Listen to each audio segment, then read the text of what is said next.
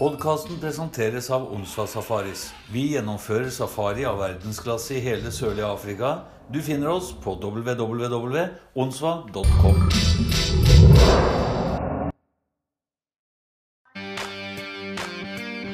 Gjøre akkurat det samme som gjort de to siste! Male dem i stykker! Vi tar det! Bytte, hardt bytte! Skyter av fantastisk redning av Jim Martinsen. Forbanna kokos! Pucken sklir mellom beina på Jonas Nordgren og i mål. Kenneth Larsen gjør det, og så er det Vålerenga som leder 1-0. Du lytter fortsatt til podkasten Blant kokos og kålrabi, og jeg er fortsatt Odd Magne Doseth. I denne episodens første del så skal vi avslutte et tiår, 80-tallet. Etter første gjest så skal vi sette i gang 90-tallet. Men la oss først se en titt på hovedsakene i nyhetene fra 889-80. Flaksloddene blir introdusert. Et passasjerfly blir sprengt over den skotske byen Lockerby. Berlinmuren faller. Jan Boklöv står for en stilendring i hoppsporten. På Hillsborough kollapser tribunen, og 94 personer mister livet. Sovjetunionen blir verdensmestere i ishockey, nær sagt som vanlig. Men nå er også Norge klar for A-pulja etter at Jon Magne avgjør mot Frankrike på Jordal Amfi 1989. Vålerenga avslutter 80-tallet som gir fire seriemesterskap og fire kongepokaler. I tillegg så er vi tapende finalister i tre finaler, og det betyr at Vålerenga har vært i sju av ti finaler på 80-tallet. Etter to bøtter på rad går Vålerenga inn i 88-89-sesongen med en del endringer i laget. Bjørn Kolsrud legger opp, Tom Johansen er ute med skade.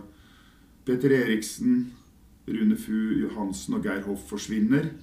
Men det som bekymrer Vålerenga-fansen mest, det er at Jimmeren har bestemt seg for å bli trønder. Men da er det på tide å bygge nytt. Unge spillere skal nå få mer ansvar. Dette er Stig Johansen, Marius Rath, Pål Kristiansen, Rune Fjelstad og Espen Knutsen. Seriestarten er 6.10.1988. Mot Trondheim med Jim i mål.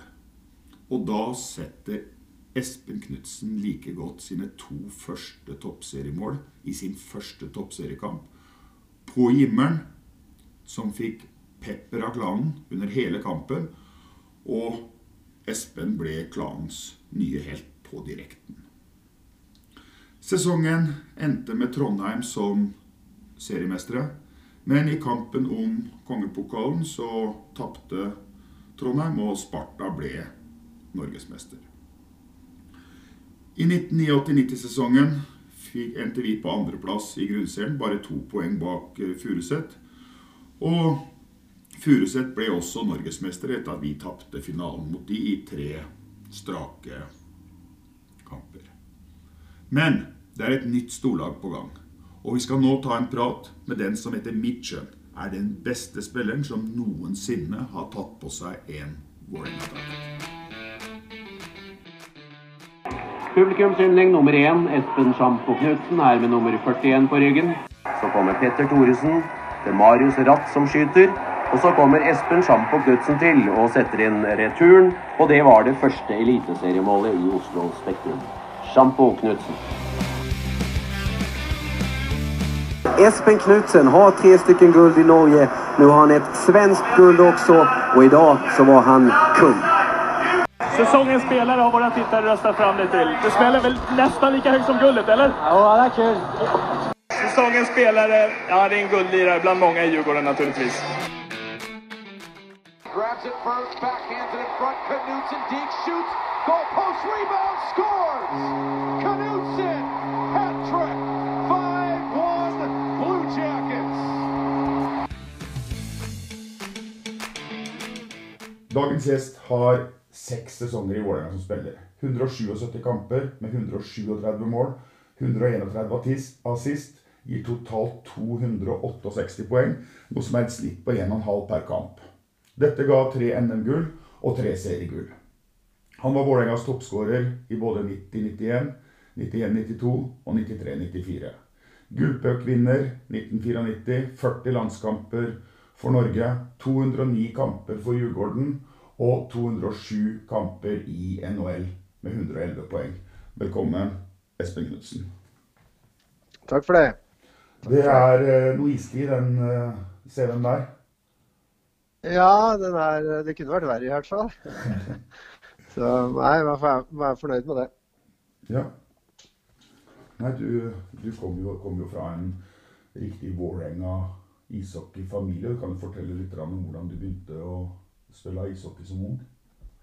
Ja, nei, Det var vel faren min som var uh, allerede med i Vålerenga hockey på den tida der. sånn, og Han var vel hva var det, kasserer eller oppmann eller et eller annet sånt. Og så, så ble det bare at da dro han med seg meg da, ned på, ned på Jordal hele tida. Og det var vel sånn jeg begynte å, å gå på skøyter første gangen. Uh, jeg husker jo ikke noe særlig av det sjøl, men uh, det er i hvert fall det jeg er blitt fortalt. Nei. Men ja, du gjorde det jo bra. og Det første som jeg tenkte vi skulle se litt på, det er eh, Jeg snakka med Vegard Barli. Og ja. jeg fant eh, noen referater fra et eh, U18-EM, het det den gangen. Ja, stemmer det. Der eh, Koslov ble toppskårer. Du ble nummer to og Vegard Barli nummer tre på poengligaen. Ja, det er ikke gærent. Det var vel i Ørnskjølsvik, det tror jeg, som vi hadde et ja, ja. Vi, jeg, jeg, husker det EM-et der. Det var, eh, vi hadde veldig bra lag i, uh, på den tida. Det var mange, mange bra spillere. Jarle Gundersen husker mm. jeg var en god ung gutt som gjorde veldig bra. Vi hadde Trond Magnussen fra Stjernen som var veldig bra. Svein Erik Nørstebø var vel med. Mm. Så det var mange, Vi hadde et veldig sterkt lag, og ikke minst uh, Vegard, selvfølgelig, da, som, som, jeg spilte mye sammen også, som, uh, som hadde den ekstra touchen. Du debuterte tidlig på A-laget til Vålerenga, Espen. Eh, mm. 16 år. Ja. Og det ble jo en spesiell eh, kamp, for eh, Jim Martinsen hadde jo allerede gått til Trondheim, og dette var åpningskampen. Ja. Med Jim i Trondheim-drakt. Ja. Og, og det gikk veldig bra for deg. Ja, det gjorde det. Det var jo selvfølgelig, det var, som du sier, med Jim til Trondheim der. Det var jo litt sånn eh, slag for alle oss i Vålerenga-familien, egentlig, at han, at han, dro. Så det var, det var en stor greie da, husker jeg. Og det er klart, Drømmen min var jo egentlig bare å spille for A-lag til Vålerenga. Det var liksom ikke noe å dra til Sverige eller NHL eller noe sånt. Det var ikke så mange som tenkte på det på den tida der, egentlig. Det var bare A-laget som, som hjalp. Så det er klart det var en stor greie for meg altså, å debutere, liksom. Mm. Og selvfølgelig veldig, veldig spesielt at det var uh, mot Jim, som jeg hadde kjent siden jeg var født. liksom. Så, nei, så det, det, var rart, altså. Men det var, det var morsomt. Jeg kom, kom, godt ut av det. Skåra vel to mål, så mm. det får man, og vi vant, ikke minst. Så det, det var bra. Ja, ja nei, Jim har snakka om de tingene der sånn. Men To mål i debutkampen, men du, du har jo forsynt deg ganske mye poengmessig, Espen. Halvannet poeng i snitt av kamp, det er relativt mye på det nivået der. Ja, det er ganske bra det. Altså, liksom, med tanke på at man var såpass ung når man kom inn også, så, så, så syns jeg det så er det bra tall. Det, det, det må jeg si. Ja. Men, uh, men, det viktigste var at vi vant, da. Det, var, ja, ja, det, er, det, er det du husker. Det er ikke de poengene du har gjort. Men, uh, men det er klart det er gøy, det. De tre NM-gullene dine de kom jo i det ble, alle, det ble vel alle på Spektrum, det, Espen? Eller mm. fikk Ja. For det var jo Spektrum-perioden. Du, du, fikk aldri spille NM-finale på Jordal? Eller gjorde du Nei. Nei. Nei.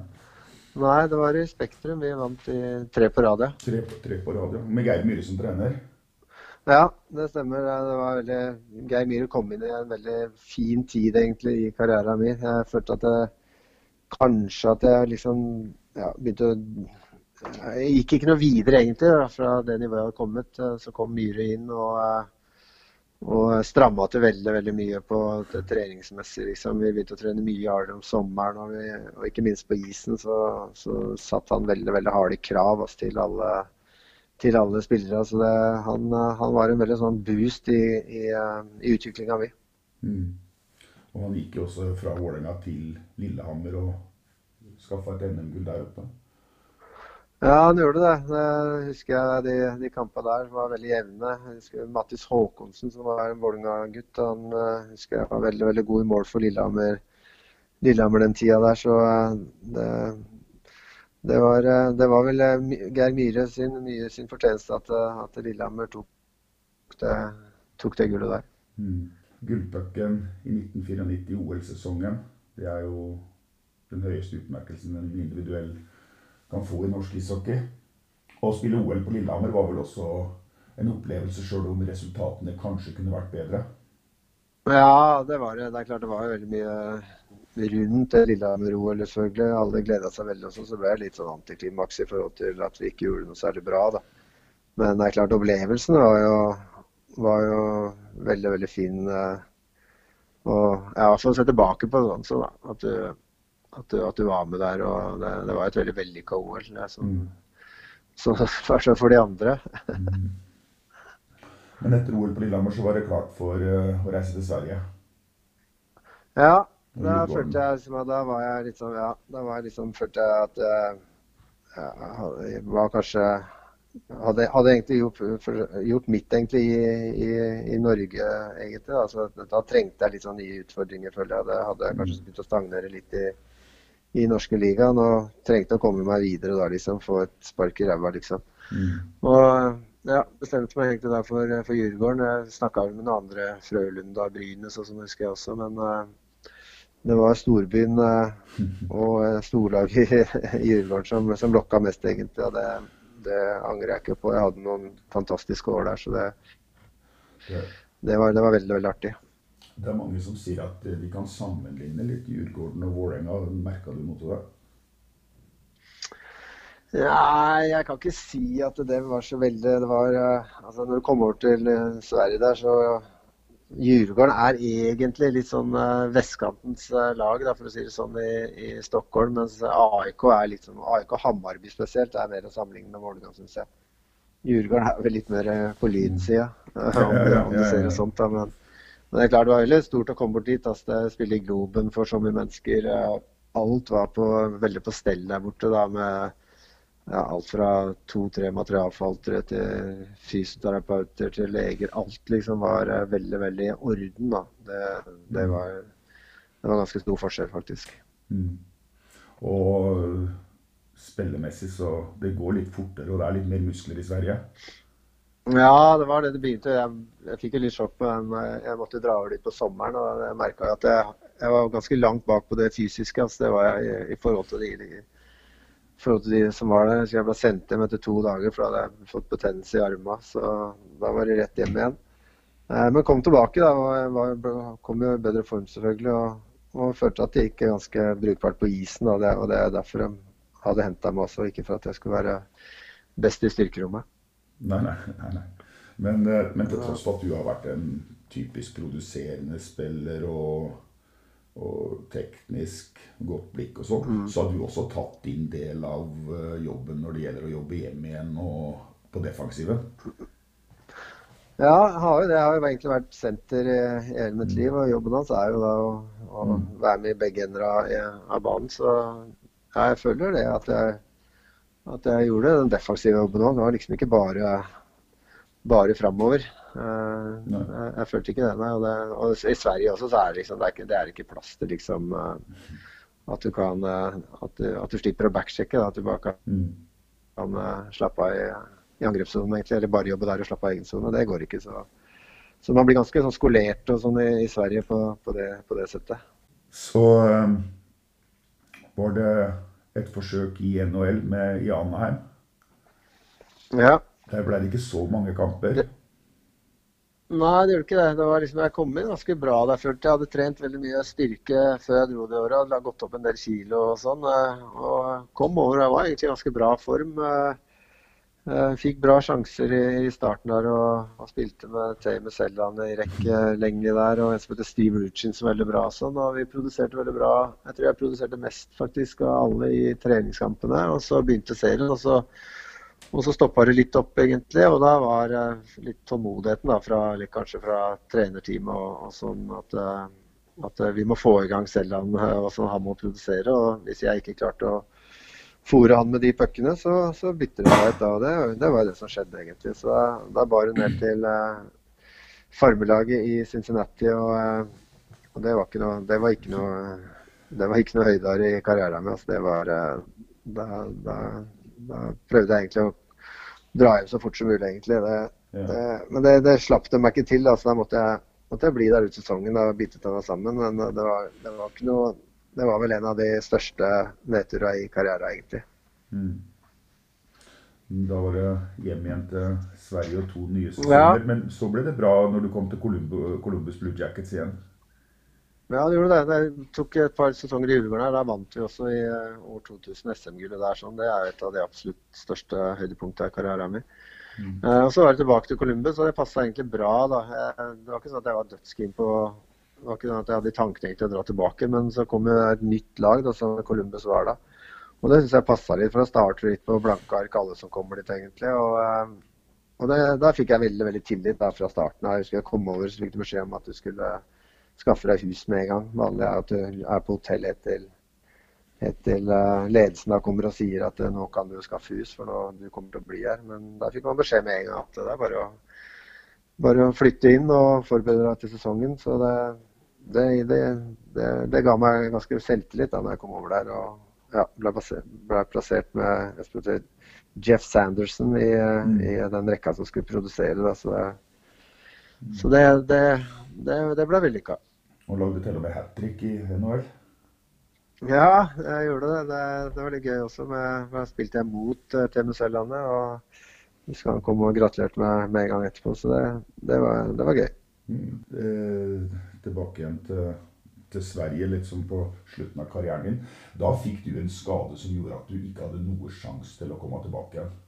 Det var nakkeskade? Ja, jeg var kløn. ja, det stemmer det. Jeg var veldig klønete der. Altså, jeg var spilte mot Frølunda og ble forbanna på en, eh, en eh, Frølunda-spiller og skulle ta en takle skikkelig, og så snubler jeg, og så klirra jeg nakken og hodet rett inn i vantet. Så ble, og da hadde jeg akkurat hatt en uh, hodeskade rett før det også. Så um, det kom to tettehengte der, sånn, og da var det en del muskler i, i, nakken min. Sånne små muskler som slutta å fungere. Så jeg hadde ikke noe styrke lenger i nakken. Og det var det som gjorde at det kunne vært da, farlig å spille da, i forhold til at du ikke klarer å holde imot uh, med nakken når du får taklinger og sånn. Og da kunne det fort blitt uh, enda flere hodeskader. Da. Det, det hadde jeg ikke noe særlig lyst til. Nei. Men da, er det tilbake igjen til, da kommer du tilbake igjen til Vålerenga. og uh, Du har ti sesonger som hovedtrener. Det er klubbrekord i Vålerenga, vet du det? Ja, det visste jeg faktisk ikke. nei, nei, nei, det er klubbrekord. Jeg har, eh, Dolf, Andersen, Dolf Andersen har fòret meg med masse statistikk. Og oh, ja, okay. jeg kommer til, Vi skal prate litt om 2000-tallet, for da var jo også jeg i klubben. Og det var jo, det var jo mange herlige opplevelser ja. med NM-gull osv. Men ti ja. sesonger er faktisk, eh, er faktisk uh, klubbrekord. Ja. Og uh, du hadde vel egentlig med deg veldig mye erfaring. Jeg tenker på Du hadde vel bra I, i, i Djurgården hadde du Tommy Bowstedt som trener her? Ja, han hadde jeg noe en gang jeg kom over. Det var egentlig han som henta meg, meg, fra, fra Norge til Sverige. Geir Myhre lærte du mye av? Og Geir Myhre lærte du mye av? Ja, Geir Myhre er den som har betydd mest for meg, føler jeg, som trener. Det er han, eh, han, som fikk meg til å ta det neste steget, egentlig. da. Så han er, han er mye å takke for. Mm.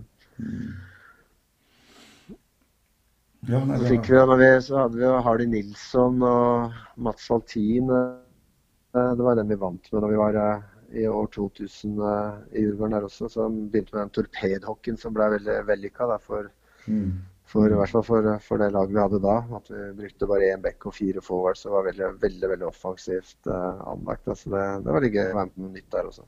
Mm, mm, mm. mm.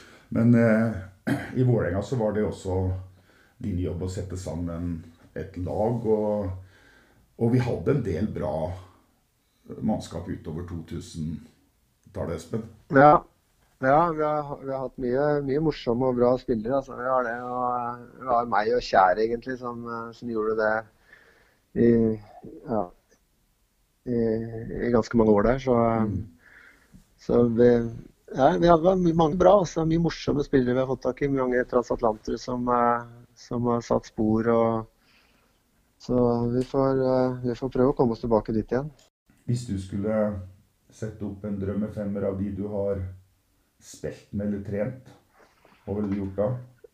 For å for å si det sånn, Espen, du er, du er med på nesten alle disse drømmefemmerne som jeg har lagd så langt. Ja, det er hyggelig, da. Det er hyggelig. Men eh, hvis, jeg, hvis jeg skulle satt og ble med, ja, skal jeg si, med meg selv, så eh, jeg, Marius er jo, er jo eh, helt klar, selvfølgelig. Petter Thoresen også, må jeg si, var, eh, var veldig gøy å spille med. Uh, Jim selvfølgelig bak i mål. Uh, Donald er, er, er helt klar der, selvfølgelig. Og så tror jeg faktisk jeg hadde tatt Lars-Erik Lund, altså. Som Mm, mm. sammen med Donald der. Det, det høres ut som en. Ja, veldig, veldig. Lars-Erik har jo fantastisk følelse og blikk, og, og ikke minst et utrolig tungt skudd. Mm. Og Donald var egentlig, han hadde samme kvaliteter, egentlig, han også. Eh, Skøyt, skøyt som en hest, liksom, og var ja, ekstremt bra. Mm. Så det har vært i hvert fall en, off, en offensiv rekke, da. Det, det får vi si. Men vet du, det, dette er litt morsomt, for dette er jo eh, Med unntak av Lars-Erik Lund, så er det akkurat samme laget som Petter Thoresen satte opp. Og, Ah, ja, okay, ok. og, og du snakker om Marius, og deg og samspillet med Marius Ratt var jo kjent både på landslag og på, på klubblag. Ja, Og, ja. og Petter Thoresen har vært med på litt grann, uh, i karrieren sin, og han sier at uh, han har aldri spilt med noen bedre enn deg og Marius. Nei, nei, det er hyggelig å høre. Det ja, det er hyggelig. Det var moro at du tar det til Ja. samme, Ja. Nei, vi hadde noen veldig, veldig, veldig morsomme år der. Altså, ikke bare at det var sånn at man at man skåra mye mål, selvfølgelig, og sånn, men eh, det var liksom måten man gjorde på som også gjorde litt sånn litt eh, spesielt, egentlig. Mm. Har du noe en, Hva er det beste minnet ditt fra Jordal?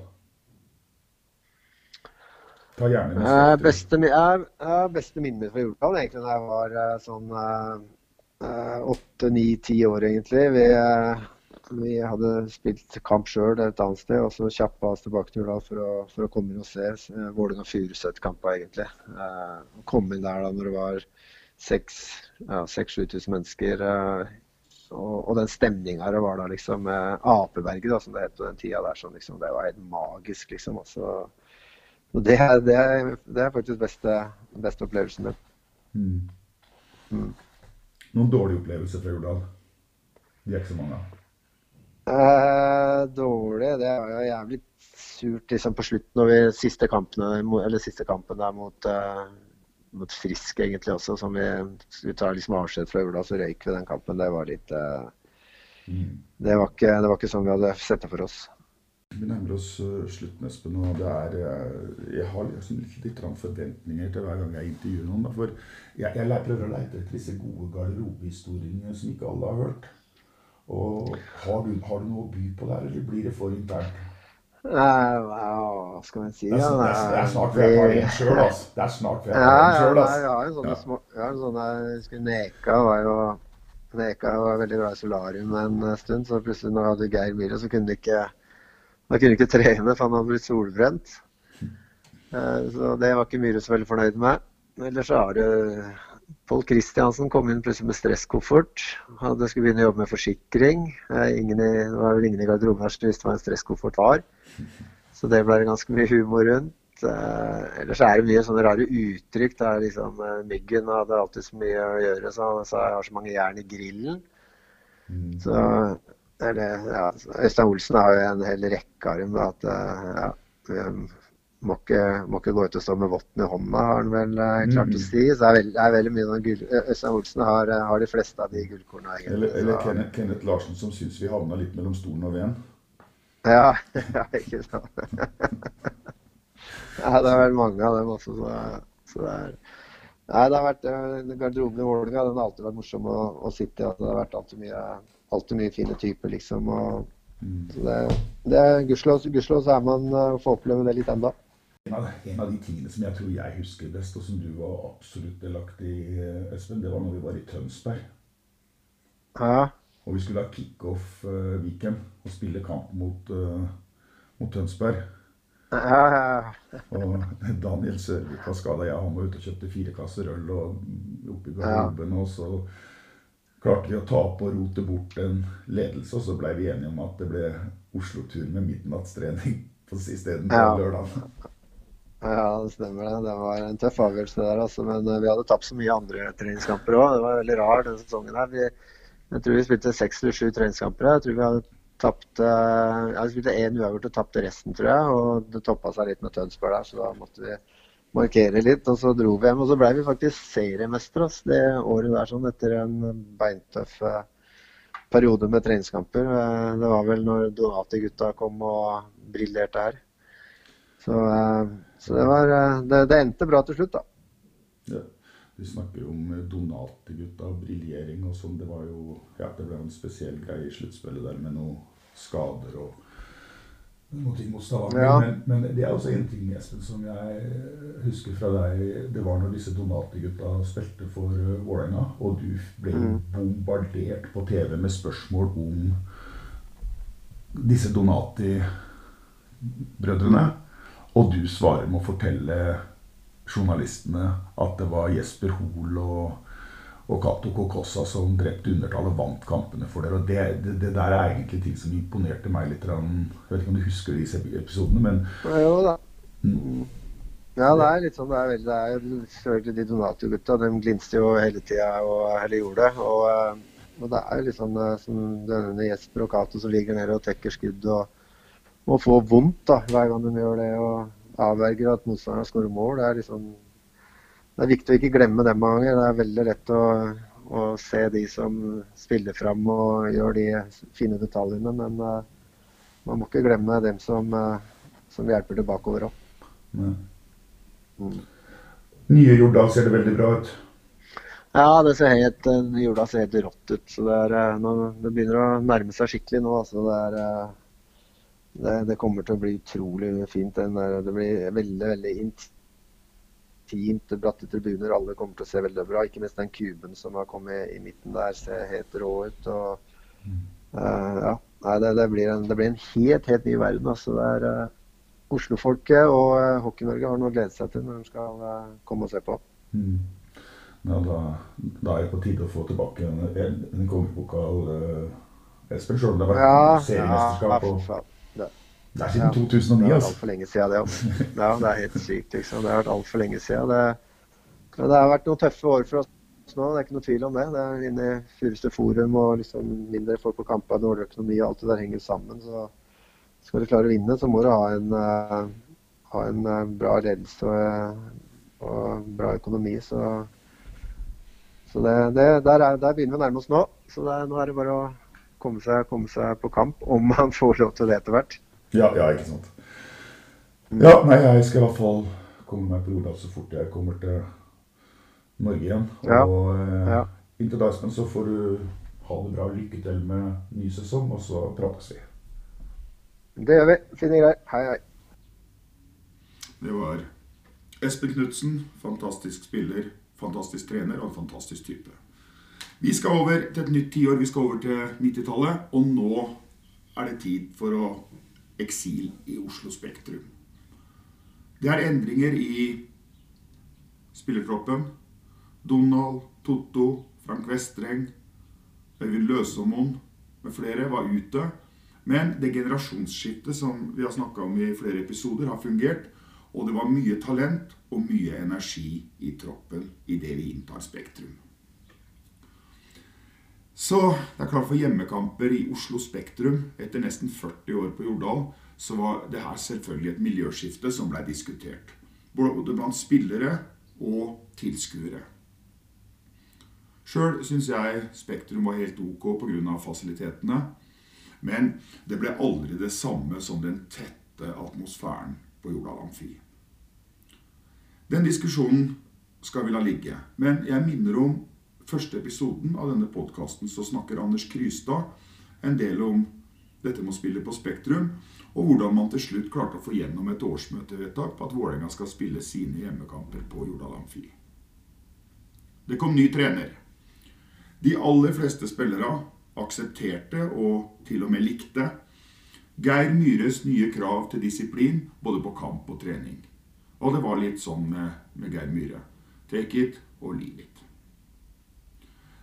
Men spillerne ble, og man fikk en veldig, veldig god kontinuitet i spillergruppa. Etter tre sesonger og tre kongepokaler var disse fordelt på så få som 27 forskjellige spillere, og 16 av disse var med på alle tre bøttene. Norgesmestere 91, 92 og 93 med tre NM-gull er Jim Martinsen, Jarl Eriksen, Erik Tveten, Carl Gunnar Gundersen, Lubo Sikela, Jaromir Latdal, Tom Johansen, Askaut Mo, Øystein Olsen, Atle Olsen, Roy Johansen, Marius Ratt, Petter Thoresen, Jon Magne Kalstad, Pål Kristiansen og Espen Knutsen. De med to kongepokaler i perioden er Arne Bilkvam, Svein Erik Bjørnstad, Stig Johansen, Jon Oppsal. Og de som tok med seg én bøtte fra disse tre årene, er Vegard Barli, Jarle Friis, Lasse Breivoll, Eddie Jensen, Rune Syversen, Svenna Olsen og Nick Karan. Finalemotstandere var i, i 91 og 92 Stjernen, og i 93 var det Furuset. En av de som fikk med seg tre bøtter i denne perioden, er dagens andre gjest, og som seinere fikk en fantastisk karriere. Og fire minutter før slutt kan Atle Olsen få fri bane mot mål og gi 4-2 til Vålerenga på Jordal Amfi. Atle, hva jeg sier, jeg syns Atle hadde han hadde blikk for spillet. Atle var fysisk sterk. Han hadde vel alt det en bekk skulle ha. Han var teknisk. Bra skudd.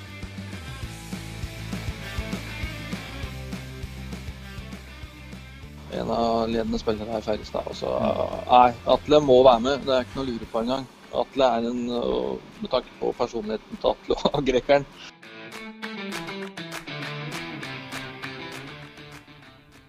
Nå skal vi møte en som har 11 sesonger i Vålerenga. 349 seriekamper, 82 skåringer, 107 assist. Totalt 189 målpoeng. Dette ga seks NM-gull. I tillegg har han to sesonger i Ferjestad i Sverige, der det ble to SM-gull. Han har 29 landskamper for Norge, er nytt styremedlem i Vålerenga ishockey elite fra og med denne sesongen. Velkommen, Atle Olsen. Tusen takk for det. Veldig hyggelig å bli eh, invitert. Det setter jeg stor pris på. Ja, Veldig hyggelig å, å prate med deg igjen.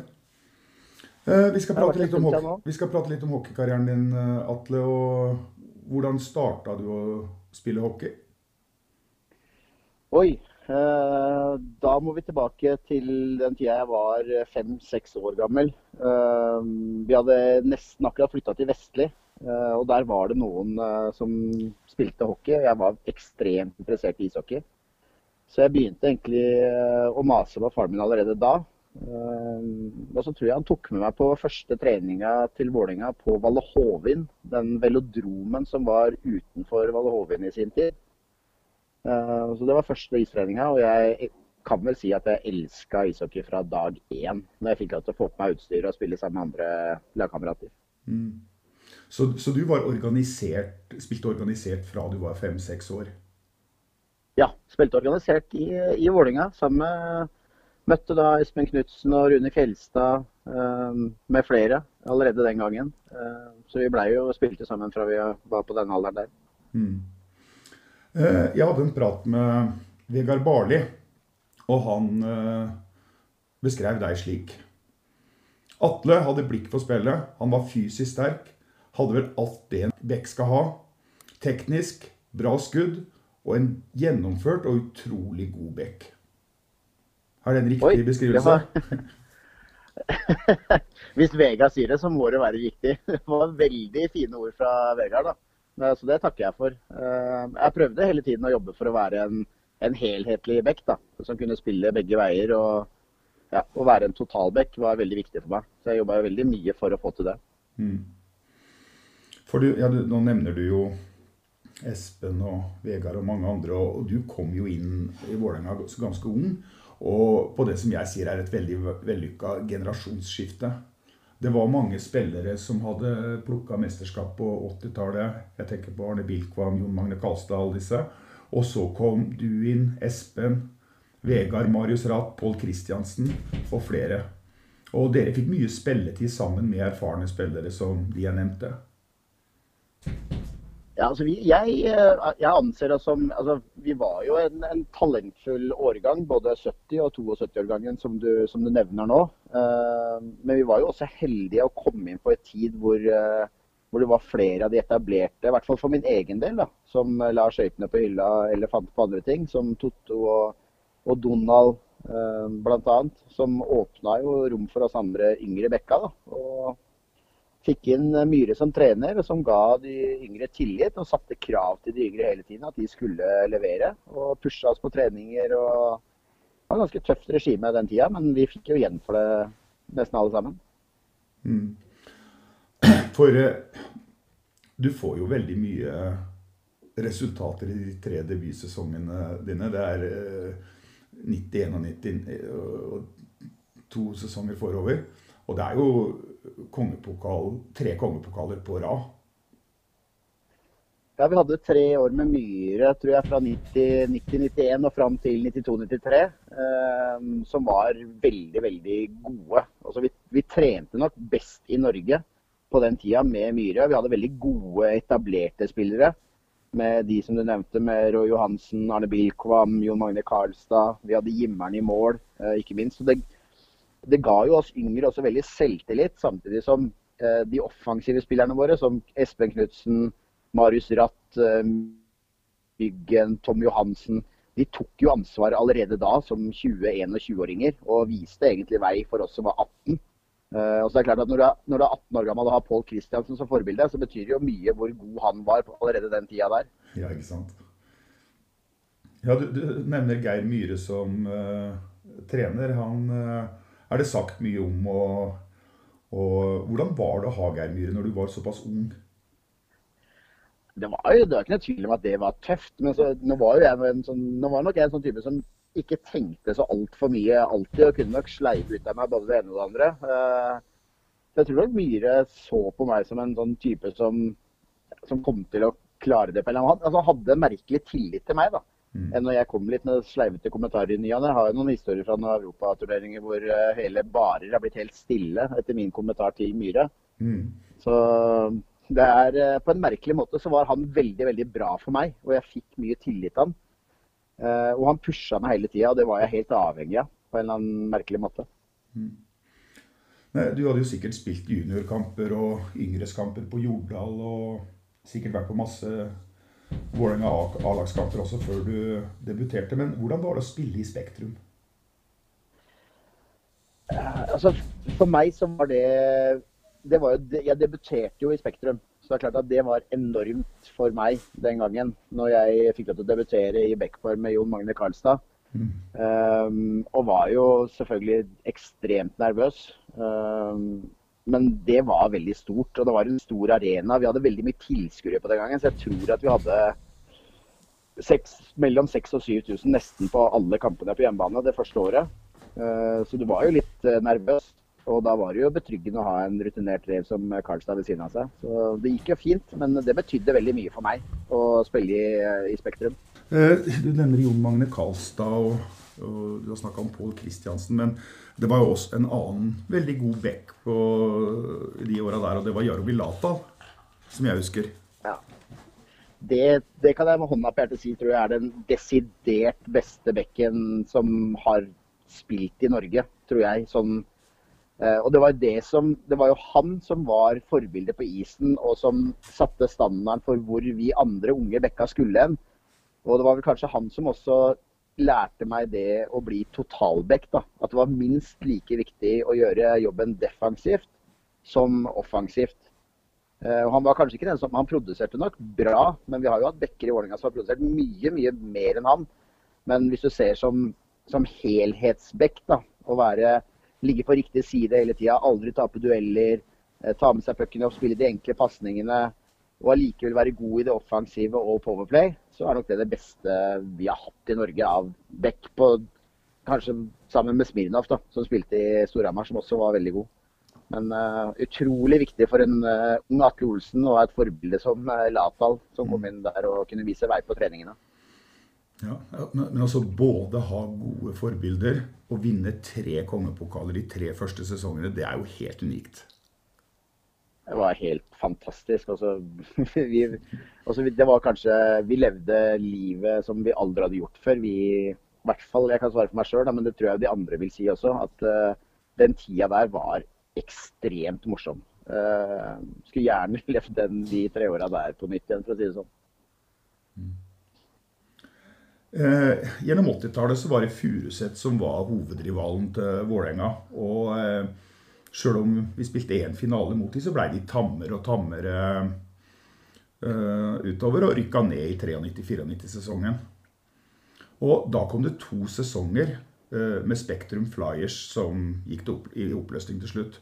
Hvordan var det å spille mot Spektrum Flyers, har det noe å si om det konseptet?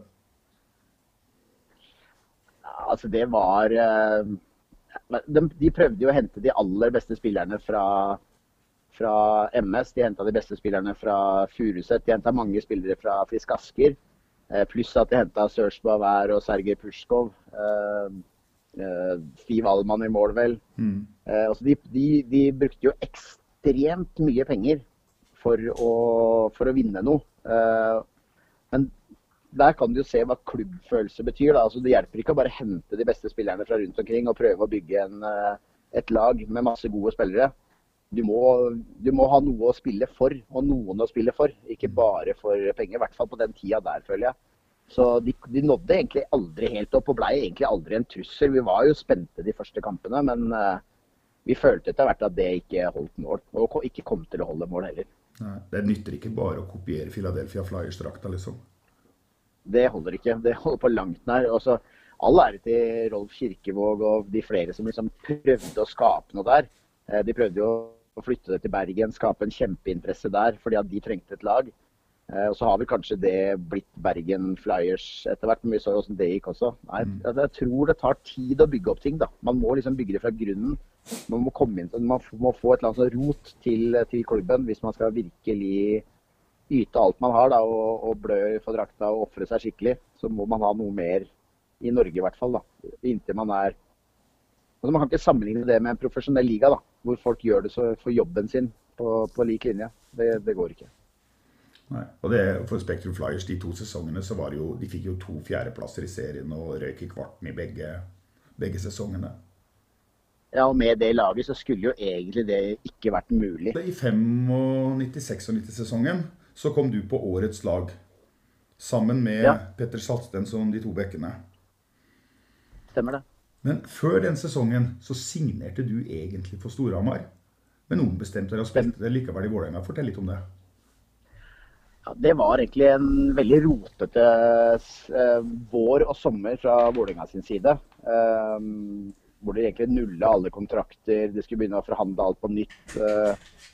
så så er vanskelig å si, altså det er vanskelig for meg å altså, si om jeg følte at det var en desperat måte å si fra at nå måtte de skjerpe seg på, liksom. Men uh, jeg, heldigvis så ble det jo ikke noe, noe av eh, greia.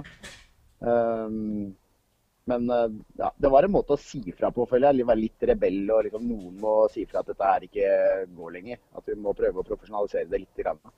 Du kan ikke bare komme inn i garderoben som formann og kaste kontrakter på gulvet og dette er liksom det som gjelder. Der, vi må være litt profesjonelle. Nei, men du kom tilbake, du, du ombestemte deg, blei i Vålerenga, kom på årets lag, som jeg sier. Og da var du klar for Sverige? Ja, da hadde jeg egentlig en veldig god sesong. Eh, den 95-96-sesongen var vel beste sesongen jeg gjorde før jeg dro til eh, altså, All den tida jeg hadde vært sånn eh, produserte ganske bra. Altså ikke i nærheten av det jeg kom tilbake igjen. men jeg Gjorde vel en ti mål som back, og det var ikke så mange som gjorde det den gangen. Um, og hadde en veldig bra sesong. Gjorde det bra på landslaget. Både Rimi Cup på hjemmebane og VM i Wien. Gjorde jeg det veldig bra. Hadde mitt livs form, tror jeg. Og ja, fikk da tilbud fra Ferjestad. Uh, Håkan Lo ble meg eh, etter VM i Wien, hadde en prat der. Så ba han meg komme til Karlstad i, i mai. Og presenterte en, en, kontrakt. Og det var jo ikke noe å tenke på, egentlig. Det var jo bare å signere. Så jeg signerte egentlig der og da, uten noen agenter eller noen ting. Og bare flytta til Karlstad 14 dager etterpå. Så det var også en veldig, veldig fin tid og veldig fint år. Håkan Lob er jo ikke noe smågutt i internasjonal hockey. Nei, på ingen måte. Så du, vi blir jo jeg ble, jeg ble i hvert fall litt starstruck når han ville prate med meg. Du, du gjorde deg ikke kostbar da? Jeg gjorde meg ikke kostbar. Jeg spurte hvor er pennen hen. Jeg, jeg, jeg gadd ikke å diskutere engang. Jeg bare sa hvor er pennen hen, hvor skal jeg skrive den? Mm. Men, det, var, det, var, nok enkleste forhandlinga han har vært med på. Men det er også øh, fantastisk å ha for to år i, i Ferjestad. Det er nærme Oslo. Det er en klubb med tradisjoner. Og, så er det jo to SM-gull på rad i de to sesongene. Og du spilte jo mye.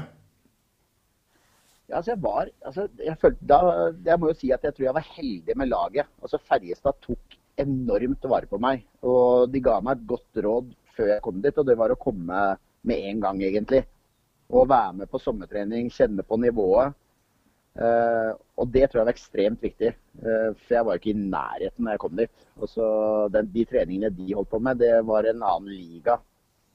Uh, og så når han sommertreneren Vi løp noen tusenmeter i sånn barkeløype, og når han kom med kuleramme for å ta pulsen min, for jeg klarte ikke å puste med den, og han klarte ikke å telle så fort, så skjønte jeg at jeg, hadde, jeg var glad at jeg kom dit da og fikk, fikk trent mye med de fra mai til vi gikk på is i august. og jeg hadde fremdeles mye å ta igjen fra august, så jeg trente jo mye ekstra eh, helt fram til jul det året der. Ja. For det er mer tempo og mer muskler i Sverige? De, altså de, har, eh, de, hadde bedre utholdenhet, de var eh, sterkere, raskere. Altså de hadde, alt var egentlig på et mye høyere nivå enn det jeg var på når jeg kom dit. Feire SM-gull i forhold til når vi feira NM-gull i Vålerenga? Ja, det, altså det, det, å feire SM-gull er jo noe helt annet. Altså, alle vet jo hvem du er. Altså, når vi feira NM-gull i Vålerenga, så var det jo først ned på Lompa eller klubben eller et eller annet sted nede på Grønland eller i nærheten av Jordal. Og så var det jo på stedet, og det var jo klanen visste jo hvem vi var, men vi gikk jo på gata etterpå, så var det jo ingen som visste hvem du var. I, i Karlstad så veit jo absolutt alle av de 70 000 menneskene som bor der, veit hvem du var. Um, og der også greide jeg jo å sleive litt med, med kjeften. Vinne i første SM-gullet. Så det var uh, litt sånn uh, litt sliten etter en lang, uh, lang sesong. Og så litt sliten midt i den turen med bussen inn på torget der. Så hadde jeg greid å lire av meg hvem faen er Espen Knutsen. Det var jo til stor applaus, selvfølgelig. Men møtte han på landslaget etterpå, så kom hadde vi Brent McEwan som landslagstrener, så han henta meg fra plassen min og gikk bort til Espen Knutsen og så sa han at eh, her sitter Espen Knutsen, så kan du hilse på ham hvis du lurte på hvem han var. Så jeg, jeg, har jo hatt en tendens til å være litt sånn sleivkjeftete, som jeg, som betalt, som jeg måtte betale for etterpå. Men ja. Eh, det var litt gøy der og da. Ja. Nei, for jeg, jeg, husker en annen episode om det her, eh, Atle. Det var når vi lagde 100-årsbanketten til Vålerenga. Så tok vi opp to du, jeg, jeg, føler at du har litt for mye inside nå. nei, jeg var jo med og lagde banketten. Jeg, nei, og, vi, og, vi, hadde Johan Golden, og vi tok opp to og to spillere fra hvert tiår. Og så fikk de en T-skjorte mm. med noe trykk fra et eller annet som har skjedd. Og da kom det en historie eh, fra innsida av Vålerenga-garderoben om deg som hadde kommet tilbake fra Sverige. Du var, eh, dere var på sesongavslutning et eller annet sted i året, eller hva det var? Stemmer det. Stemmer. Og der, der, er dere på nattklubb, og så er det én svensk artist, så, en musikkartist som får veldig mye oppmerksomhet i baren, for han hadde fått en gullplate. Ja, det var han Andreas Jonsson. Mm. Uh, og han, han, kjente visst Patrick Hegnen fra før av, så vi, vi prata med han etterpå. Og han hadde jo den superhiten med 'Glorious' på ja, 2002 eller 2003 eller et eller annet. Og så sto han der og pratet om den gullplata si. da, Så sa jeg gullplate, hva du snakker om? Jeg har to SM-gull. Må vi roe ned litt grann her. så den, den her, Der kommer igjen sleivkjeften til Olsen. Og så får jeg den tilbake igjen da på underholdspaketten. Som eh, det er greit. Ja. Det fortjente jeg. Ja. Men det er en morsom historie, da. Ja, ja, det er en morsom historie. Og, ja.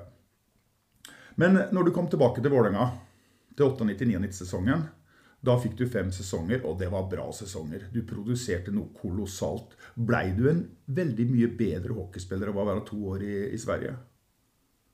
Uh, ja, det må jeg med hånda på hjertet si at uh, det ble jeg uten tvil. Uh, for det første så blir du en 24-timersutøver. Uh, du trener nesten to ganger om dagen hver eneste dag. du får riktig kosthold. Du får veiledning hele tiden. når jeg dro til Ferjestad, så veide jeg 84 kg. Og når jeg kom hjem, så veide jeg 95. Og det var 11 kg med muskler, så du fikk en helt annen selvtillit i nærkampspillet. Du var raskere, du var sterkere. Så ja, det, det må jeg på hånda, med hånda på hjertet si at uten tvil var en mye bedre hockeyspiller da jeg kom tilbake.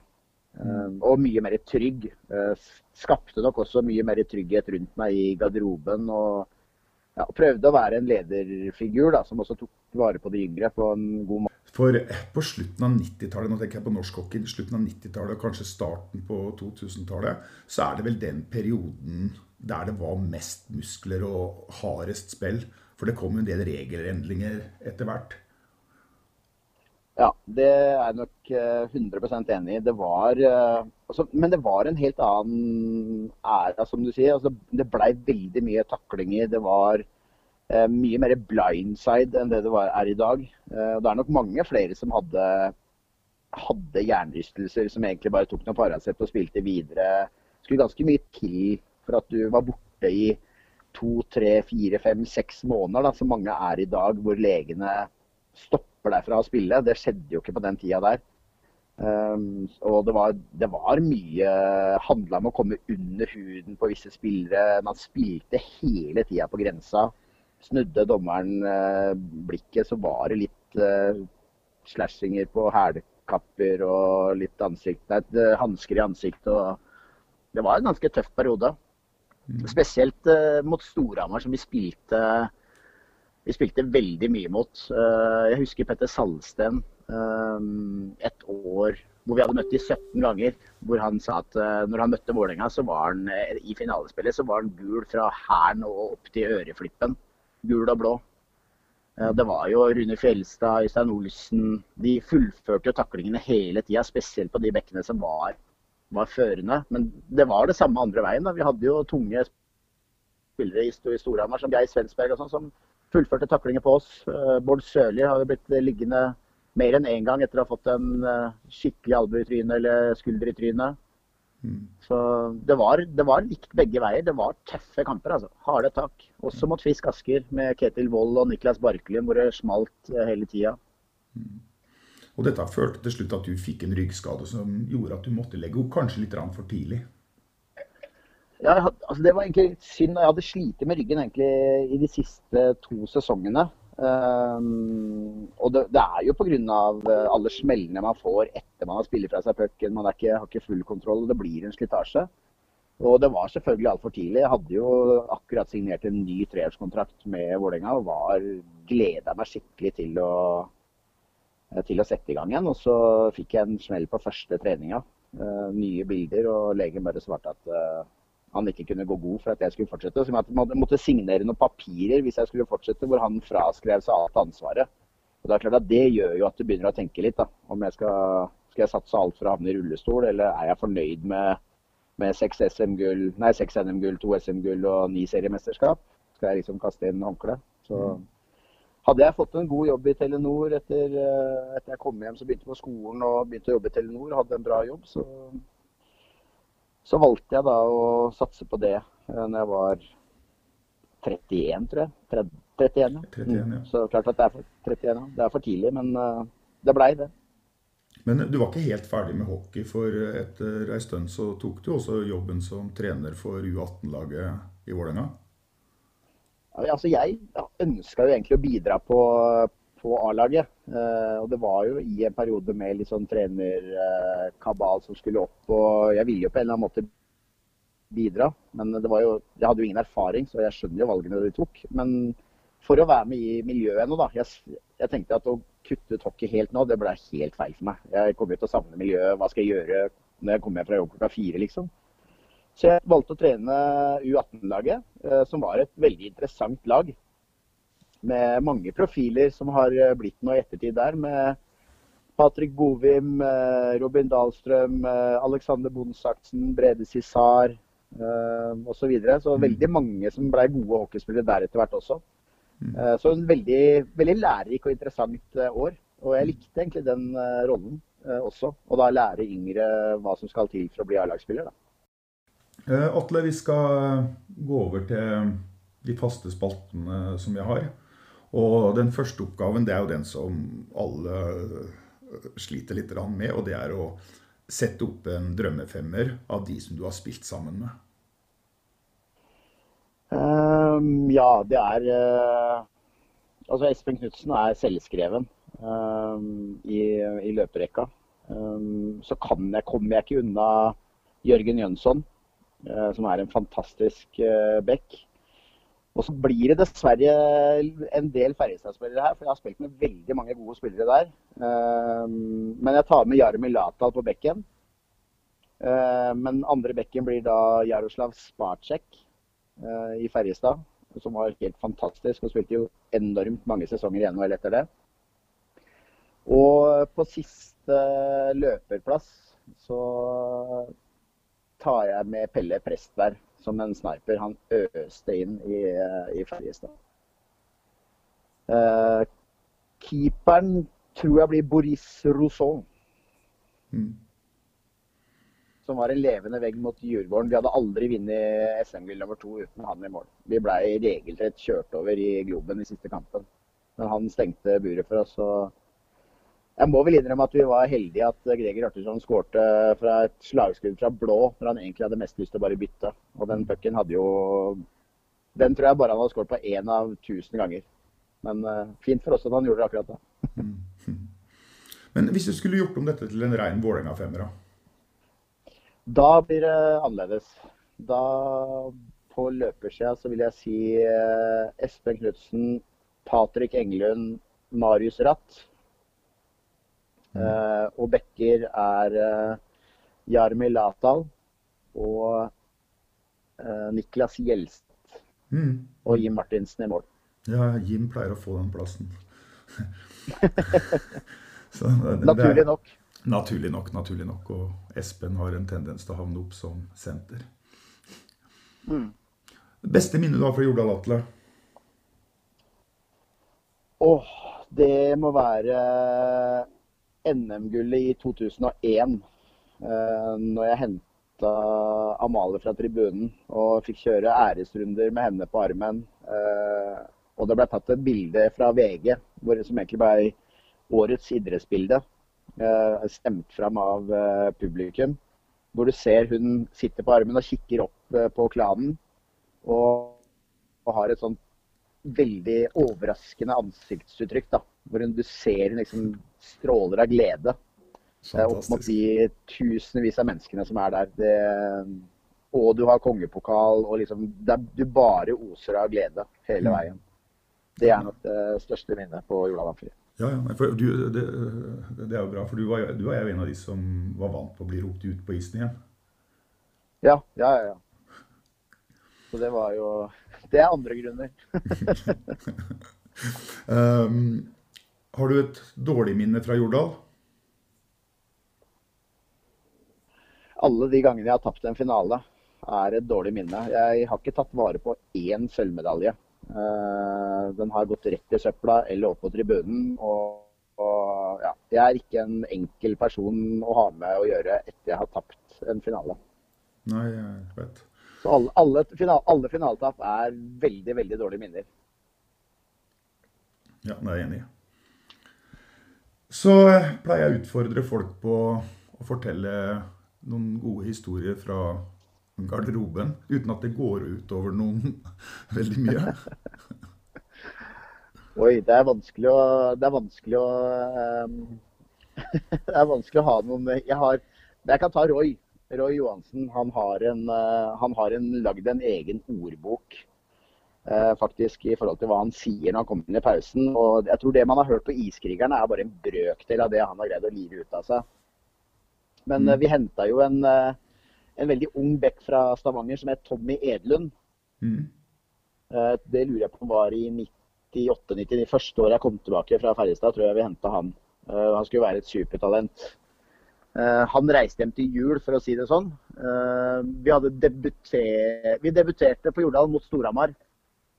Eh, hvor han, spilte i backpar eh, med en av svenskene. Jeg husker ikke helt hvem det var, men han spilte i hvert fall i første backparet. Eh, jeg tror etter tre bit så lå vi under 3-0. Og han var vel mer eller mindre skyld i alle tre. Og så var det ett av byttene han tok med seg pucken fra bak mål og ut i rundvante. Og så ble han stående der og leite etter en å spille pucken til. Blei kjørt over, hang som et slakt i pleksiglasset. Og pucken ble henta, og de skårte mål. I pausen så kommer Roy Johansen inn eh, og skal fortelle Tommy Edlund at det skal han ikke gjøre. Så da sier han eh, følgende. Eh, Tommy Edlund, ta med deg pucken ut i rundvante og venter. Hva er det du venter på? Trikken? Den kommer ikke! Du er på Jordal. Det er liksom Tusen takk, du er 18 år, du er et uh, stort talent, men uh, nå er du ferdig i Vålerenga, for å si det sånn. Så da var ikke han uh, Da var han egentlig ødelagt som spiller i Vålerenga, i hvert fall. Hadde jo ikke noe selvtillit igjen etter det. Nei, du, du har jo han, jeg kan si sånn, han sa det på en litt annen måte enn det jeg sa det. Ja, jeg kan tenke meg. Du har jo spilt både under Geir Myhre, Roy Johansen og Petter Thoresen, og det er jo personligheter som alle tre veit å si fra, men det er jo veldig realt det de sier, da. Ja, altså de er jo, altså de er jo ekstreme vinnerhoder eh, alle sammen. Jeg har faktisk en, eh, en historie til. og Jeg tror ikke, det går, jeg tror ikke Thoresen heller føler seg trådt på hvis jeg, hvis jeg tar den. Men jeg husker vi spilte borte mot Storhamar før OL, Finn. Uh, I den gamle Storhamar eh, ishall. Mm. Og uh, det var det var siste kampen før vi skulle spille åpningskampen i Spektrum mot Furuset. Så det var en sånn amerikansk uttagning også, i tillegg. Eh, Og vi lå under med 1-0 etter første periode, og hadde egentlig ikke vært veldig gode. Og Petter Burlesen hadde vel ikke rosa første perioden veldig bra, han heller. Eh, Og så satt han i inne i dusjen sammen med Jim Martinsen og tok en sigarett. For det gjorde de jo på den tida der, mange av dem. Eh, hvorav Myhre da syntes at det var greit stort sett alltid hvis de var gode. Men eh, nå var han jo skikkelig forbanna. Og kom inn i garderoben og dro Petter Thoresen ut av dassen etter drakta eh, etter seg. Og jeg kan med hånda på hjertet si at det var millimeter fra det ble full slåsskamp inne i garderoben. Så det var en ganske tøff start for en 18-åring på første bortekamp med A-laget i serien. Og opplevde at treneren begynner å slåss med kapteinen. Du har jo lært mye, men du har jo også forma din egen karakter. Og når du sier disse Atle Olsen-replikkene, så har jeg lyst til Jeg pleier ikke å fortelle mine historier, men jeg har lyst til å fortelle en historie om deg. Som jeg opplevde sjøl. Og det var når du var, når du var trener for U18, så kom Ja. det en del, noen nye spillere inn på laget. En av de kom fra en annen klubb. Eh, Nå vet jeg hvor du skal. sønn av, sønn av en spiller som sønn, sønn av en tidligere spiller. Og etter en kamp så kom faren ned på omtrent i benken til deg og var irritert både for spillet og mest sannsynlig for at sønnen fikk litt lite spilletid. Og du, Jeg satte sønnen hans på benken. ja, og du svarte for deg som godt du kunne, og han hissa seg bare mer opp og sa at eh, du måtte passe deg, for han hadde spilt i toppserien sjøl, til og med mot deg. Og da svarte Atle Olsen da kan du ikke ha vært særlig god, for deg husker jeg ikke. Det er helt riktig. Det er helt riktig sitert. Helt riktig sitert. Eh, Jeg visste at den eh, kom til å komme eh, når du nevnte det nå. At det var noen som kom fra tribunen. Så ja, nei, du, du har fått med deg mye. Ja da, ja da. Ja. da. Det er også riktig. Jeg hørte ikke så mye mer fra den kanten etterpå, da, for å si det sånn. Nei, jeg vet. ja, men det har vært mye karakterer, og det er masse historier. Og det er som eh, Det var vel Vegard Barli som sa til meg at de historiene kommer lettere når man sitter en gjeng sammen og mimrer og husker. Det er riktig, for da får man noen tråder, og så plutselig så husker man. Altså, du, du har jo spilt eh, Selv om jeg ga meg tidlig, så har jeg vel 13 sesonger på, på elitenivå. Så, Mm. Og det er klart at med alle de karakterene jeg har spilt med opp gjennom åra, så har det skjedd veldig mye. Mm. Og eh, jeg har nok vært med på en del episoder sjøl også, men man kan ikke huske, huske alt. Men når man sitter en gjeng da, og mimrer, Da bare kommer den ene historien etter den andre. Så det er, det er mye enklere. Men uh, jeg håper du har fått noen gode historier fra andre også. Så det blir Ja, nok bra dette her, tror jeg. De, de holder tilbake mange, men det kommer noen gode historier. Men eh, jeg, har, eh, jeg har tenkt å ha en eh, episode litt eh, lenger ut på slutten av denne podkastserien. Og da har jeg og Bård Sørli tenkt å intervjue Kenneth Larsen. Og han, han pleier å huske veldig godt. Ja, så er, det er ikke alle de beste historiene. Jeg har ikke alltid skjedd i garderoben. Vi har jo vært på litt turer og sånn også. Og der også er det jo veldig mange gode historier. Og når du nevner Kenneth Larsen, så er det, der er det, kan du velge fleng. Altså. Der er det mye å ta av. Mm. Ja, ja. Nei, men det tror jeg var det vi hadde i dag, Atle. Det var superhyggelig å prate med deg igjen. Og eh, I like måte. da sier jeg bare tusen takk for at du stilte opp, og så snakkes vi. Tusen takk for at jeg fikk være med. Veldig hyggelig å prate med deg igjen. Veldig lenge siden. Jeg er veldig glad for å ha med Atle i denne podkasten. Atle var en veldig god spiller og en veldig bra fyr å være sammen med. Eh, Det jeg liker spesielt godt med Atle, er den uredde, direkte stilen med masse humor som vi sikkert har fått et innblikk i nå. På et tidspunkt så var Atle også sidekommentator på TV, og det resulterte i en gruppe på Facebook som het Gullkorn fra Atle Olsen. Der var det mange friske meldinger. Jeg setter opp min drømmefemmer fra disse fem årene, fra 88 til 1993. Jim, dette er nå siste gangen du får være med på min drømmefemmer, for etter dette så bestemte du deg for å gå med pensjon og flytte til Hamar. På bekken setter jeg igjen inn skøyta Jon Magne Karlstad, som Atle snakka om nå. Et fantastisk godt forbilde å ha rutinert når Atle kom inn som en ung spiller. Men jeg skal også ta med en bekk til som Atle kalte nå for sitt for forbilde, Pål Kristiansen. Fantastisk spiller, og jeg husker spikeren på Jordal en gang kalte han for Pål Coffee Kristiansen. Så er det løpere, og selvsagt så er det Espen Knutsen. Han er udiskutabel. En fantastisk spiller, en fantastisk fyr, og må være med på en drømmefemmer. Så skal jeg ta ut Arne Bilkvam igjen. Dette til tross for at Arne nå går til Furuset. Men det blir omtrent som når dama di gjennom mange år flørter litt på byen, og det blir ikke noe på henne. Du tilgir. Så Arne, han er med. En fantastisk figur. Toppskårer i Vålerenga. Og også seinere styremedlem. Arne er selvskreven. Den siste løperen jeg tar ut, det er Tom Johansen. Som var fremragende i den perioden vi prata om. Og han var også med å vinne seks bøtter på ni sesonger, til og med 92-93-sesongen. Da er vi ferdig i Oslo Spektrum, og vi skal tilbake til Jordal Amfi. Vi skal ta noen sesonger til. Og i neste episode så skal vi i hvert fall få én ny legende på intervjufronten. Og det er Vegard Barli. Jeg kan hende vi får med én legende til, men det får du se hvis du lytter på neste episode. Inntil da, følg meg på iTunes og Spotify, gi anbefalinger, og vi høres igjen om ikke lenge. Prøv å karakterisere Vålerenga som klubb. Fantastisk klubb. Eh, Jeg kjenner en stolthet og brann for å att få bli kapten her på laget og vært her nå i seks sesonger. så Vålerenga har en vinnarkultur som jeg ikke har sett på noen andre steder det har varit.